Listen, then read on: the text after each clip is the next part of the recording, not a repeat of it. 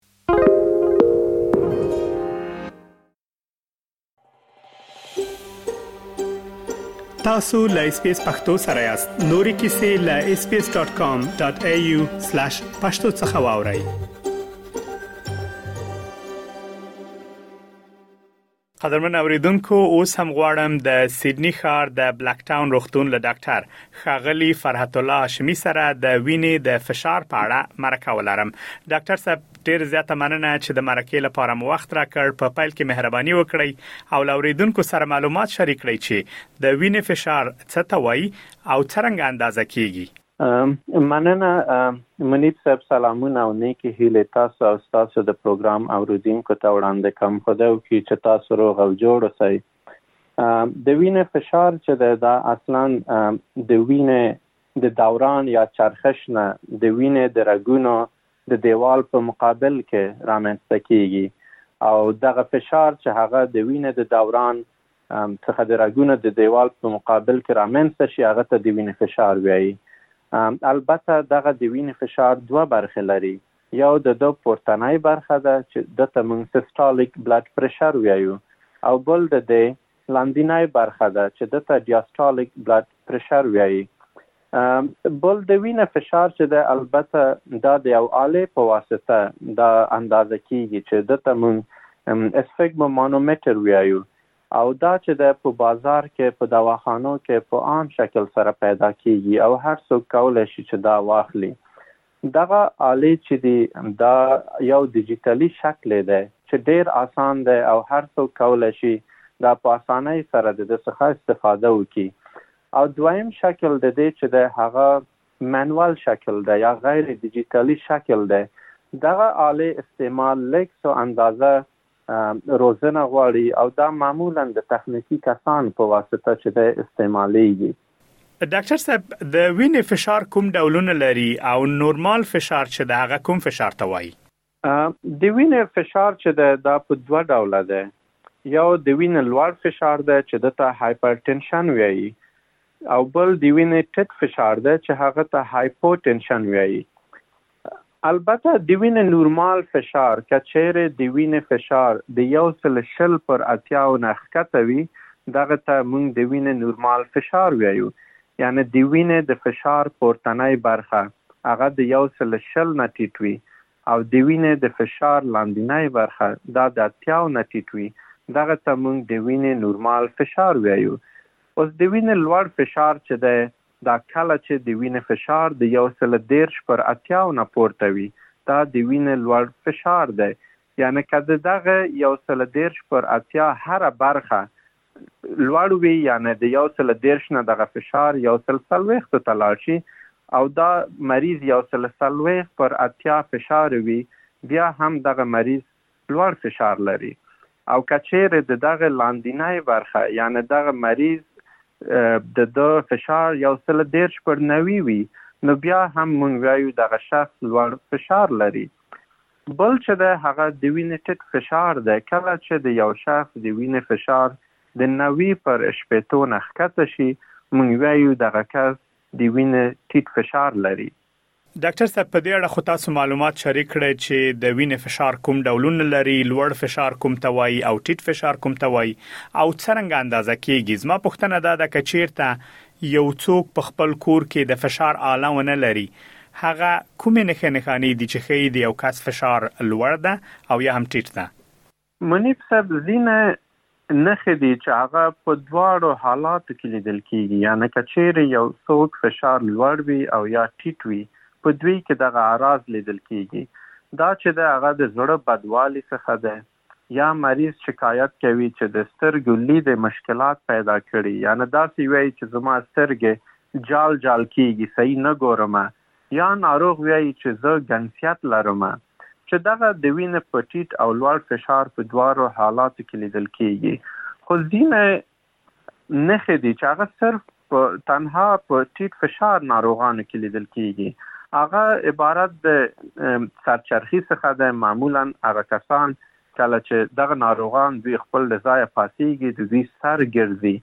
دوی احساس د دلتنګۍ او خستګۍ او کسالت کوي او ناروغ ویايي چې په ما باندې ضعف راځي او هېڅ انرژي نه لرم. د ده نه علاوه چې دی هغه کسان چې هغوی په لوړ فشار باندې بې اخته دي په دوی کې بې سردردي پیدا کېږي. ناروغ ویایي چې زما په غوږونو کې ځینې اوازونه وجود لري یا رامنځته شوي یا وایي زما په غوږو کې شغارې وجود لري یا دغه ناروغانو ته د وینې د لوړ فشار له وجې د سینې درد پیدا کیږي یا د ناروغ ساه بندیږي د دنه علاوه دغه ناروغان چې دي دوی کې استفراقات یا کانګې پیدا کیږي او حتی په ځینو ناروغانو کې د دوی د پزې څخه وینه راځي او حتی داسې حالت هم رامنځته کېږي چې په ناروغ کې فالج یا اسټروک د وینې د لوړ فشار لومړی نښه کېدای شي وي. ډاکټر صاحب اکثرا خلکو کې داسې یو نظر ده چې دغه جګ فشار یو څه خطرناکه ده نو غواړم ستاسو نظر واورم چې د طبابت له نظره لوړ فشار ډېر خطرناکه ده او که ټیټ؟ منیب صاحب دا سوال ډېر ښه پوښتنه ده او په ټولنه کې که ووایم ډېر زیات کېږي، خو دغه سوال ته کوم مشخص ځواب نشته. د طب ځینې پوهان په دې باور دي چې د وینې لوړ فشار نسبت د وینې ټیټ فشار ته لږ څه ډېر خطرناک دی، خو زه بیا د دې جملې سره موافق نه یم، زما په نظر د وینې لوړ او ټیټ فشار خطرناکوالی نظر ده ته دی چې د وینې فشار څومره اندازې سره ټیټیږي او څومره زر ټیټیږي او د وینې لوړ فشار څومره لوړیږي او څومره زر لوړیږي او بل دا د ده د وینې فشار د اسباب یا عوامل پور اړه لري د مثال په توګه تاسو ته ویایم یو څوک ده د هغه د وینې فشار ورو ورو لوړیږي مثلا د یو سل شل پر اتیاو نه دا د اته یا لس کالو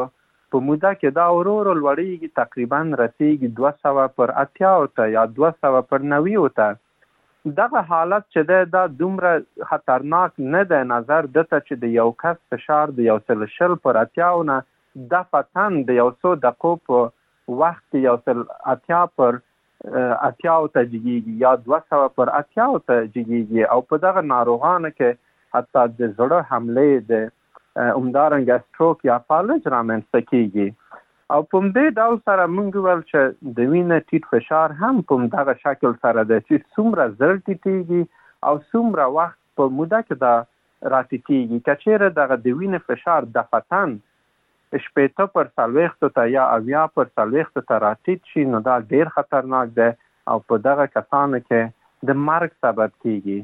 او بل علاوه د دې نه د وینې د فشار اسبابو پورې اړه لري یعنې که د وینې د فشار سبب معلوم وي چې د وینې د لوړ فشار او یا ټیټ فشار سبب څه دی او موږ هغه تداوي کړو نو دا دومره زیات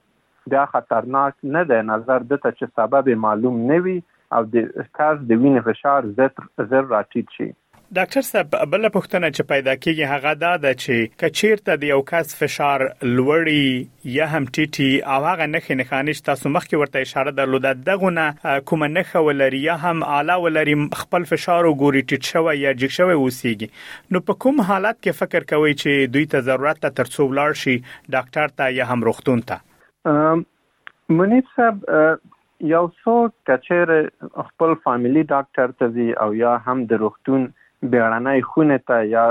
ایمرجنسي ډیپارټمنټ ته ځي دغه باید مونږ تاسو باید بیل کو سره چې ناروغ کله باید خپل فامیلي ډاکټر یا جی پي ته لاړ شي او کله باید روغتون ته لاړ شي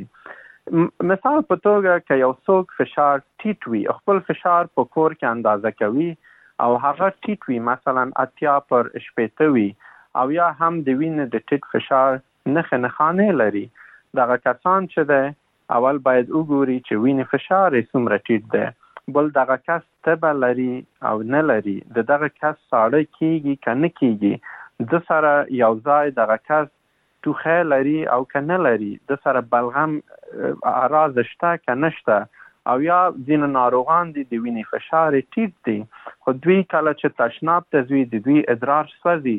دغه ناروغان چې دي دغه باید د روغتون بیړنۍ خونې ته یا ایمرجنسي ډیپارټمنټ ته لاړ شي ځکه د وینې دغه ټیټ فشار دا خطرناک دی بل مثال یې دا دی که یو څوک د هغه ځوان دی د د دوی په کورنۍ کې د وینې د ټیټ فشار تاریخچه وجود لري یعنی د ده مور خور ورور پلار دوی هم ټیټ فشار لري او د دوی ټیټ فشار چې ده تقریبا دومره زیات ټیټ نه وي مثلا پنځه نوي پر شپېته وي دغه کسان چې ده دوی باید خپل فامیلي ډاکټر ته لاړ شي او دا ډیر زیات خطرناک حالت نه دی خو که چیرې یو څوک ده ده ډیر زیات متیقن نه ده چې ده خپل هغه فامیلی ډاکټر ته لاړ شي او یا هم روغتون ته لاړ شي نو بیا ښه دا ده چې دوی روغتون ته لاړ شي ځکه کیدای شي د دوی دغه د وینې ټیټ فشار او یا د دوی د وینې لوړ فشار دا کیدای شي خطرناک اوسي نو ځکه باید دوی د روغتون بیړنۍ خونې ته لاړ شي. ډاکټر صاحب یو بل پوښتنه چې پیدا کیږي هغه دا ده چې د وینې لوړ فشار او یا هم ټیټ فشار آیا دغه دواړه درملنه یا تداوی لري او کچیرته تداوی ولري یا د کنټرول لارې ولري نو څنګه کنټرول یا تداوی کیدای شي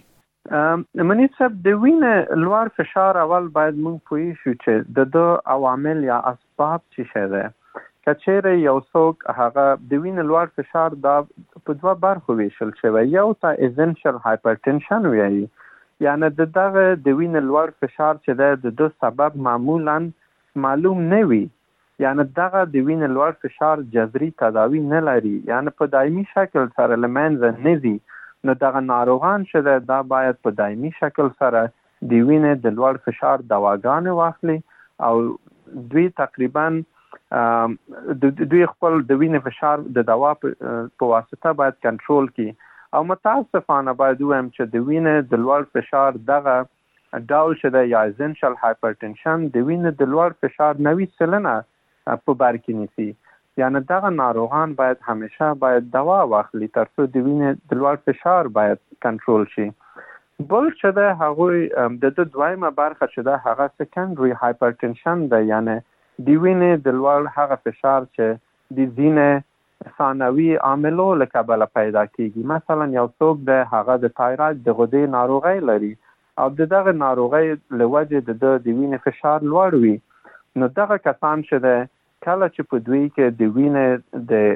لوړ فشار سبب تداوي شي یعنې د دوی تایراید غدې ناروغۍ تداوي شي نو د دوی دغه د وینې لوړ فشار له منځه ځي خو زما توصیه دا ده ناروغانو ته چې دوی باید هیڅکله هم په خپل سر د وینې د لوړ فشار دواګانې باید دوی ونه دروي دویم برخه د پوښتنه چې وه هغه د وینې ټیټ فشار ده چې دا تداوی لري او که نه لري؟ هو د وینې ټیټ فشار هم تداوی لري او باید د ده هغه عامل یا سبب باید پیدا شي کله چې د ده عامل یا سبب پیدا شو نو دغه کسانو ته یا دواګانې توصیه کیږي او یا ځینې لایف سټایل موډیفیکیشن چې موږ ورته ویایو دوی ته توصیه کیږي ترڅو چې د دوی د وینې لوړ یا ټیټ فشار چې ده دا تداوی شي. ډاکټر صاحب د وینې د ټیټ فشار د مخنیوي لپاره بیا څه کول پکار دي؟ منیم صاحب هغه کسان چې د هغوی د وینې فشار ډیری وخت ټیټ وي دا کسان باید اول هر ځل چې دوی ډوډۍ خوري نو باید په کم اندازه سره ډوډۍ وخوري یعنې دا کسان کولای شي چې د دوه یا درې وخته ډوډۍ پر ځای څلور ځلې ډوډۍ وخوري خو په کم اندازې سره ځکه چې ډېر اندازه سره ډوډۍ خوړل دا د معدې د معدې د ډکوالي سبب کېږي او په حشاو کې د وینې دوران د زیاتېدو لامل کېږي نو ځکه په دغه کسانو کې د وینې فشار بیا ټیټېږي بل دغه کسان باید زیات مایات او یا هم اوبه وڅکي ترڅو د دوی د وینې د ټیټ فشار په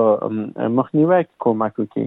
بل هغه کسان چې هغوی په خپل خوړو کې نسبت نورو خلکو ته د مالګې نه لږ استفاده کوي باید لږ څه اندازه مالګه په خپل غذا کې ډیر کړي. د ده نه علاوه هغه کسان چې هغوی الکول څښي باید د الکول څخه ډډه وکړي. بل دغه کسان باید یو نوع الاستیک جرابې دي چې هغه ته کمپریشن اسټاکینګس وایي دا غنه استفاده وکړي او دا جرابې چې دي دا خپل د خپل خپو او رونونو په ساحه کې چې ده دا باید په منظم شکل واغوندي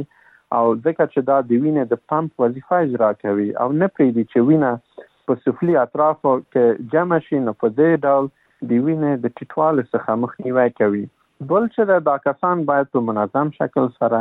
ورزش یا سپورت وکړي او بالاخره کله چې د خپل ځای څخه دغه کسان پورته کیږي نو باید په ورو شکل سره پورته شي او ډیر احتیاط وکړي ترڅو د دوی د سر د ګرځیدلو او غورځیدلو یا فال څخه مخنیوی وشي. ډاکټر صاحب هغو کسانو ته چې د وینې لوړ فشار او ټیټ فشار نه لري او ښه صحت لري هغو ته ستاسو پیغام څه ده چې څرنګه باید د خپل صحت خیال وساتي؟ زما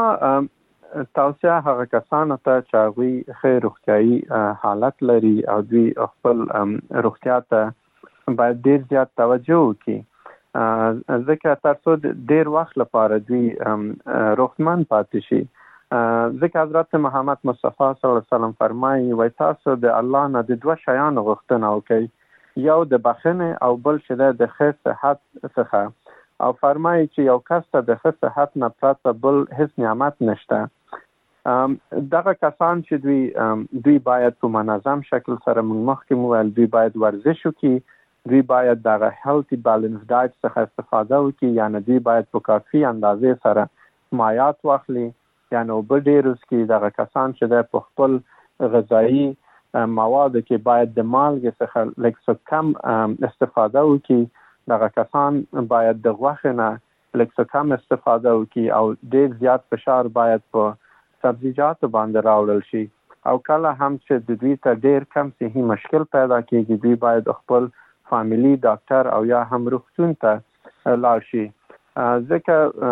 موږ په شفاخانو کې ډېر زیات ځوانان ګورو چې دوی ډېر ښه صحت څښتنانو مګر متاسفانه په ډېر کمه بې توجهۍ سره دوی کې د دایمي معیوبیت رامنځته کیدل رامنځته شوي نو ځکه زما دوی ته توصیه دا ده چې خپل صحت ته ډیر زیات پاملرنه وکړي.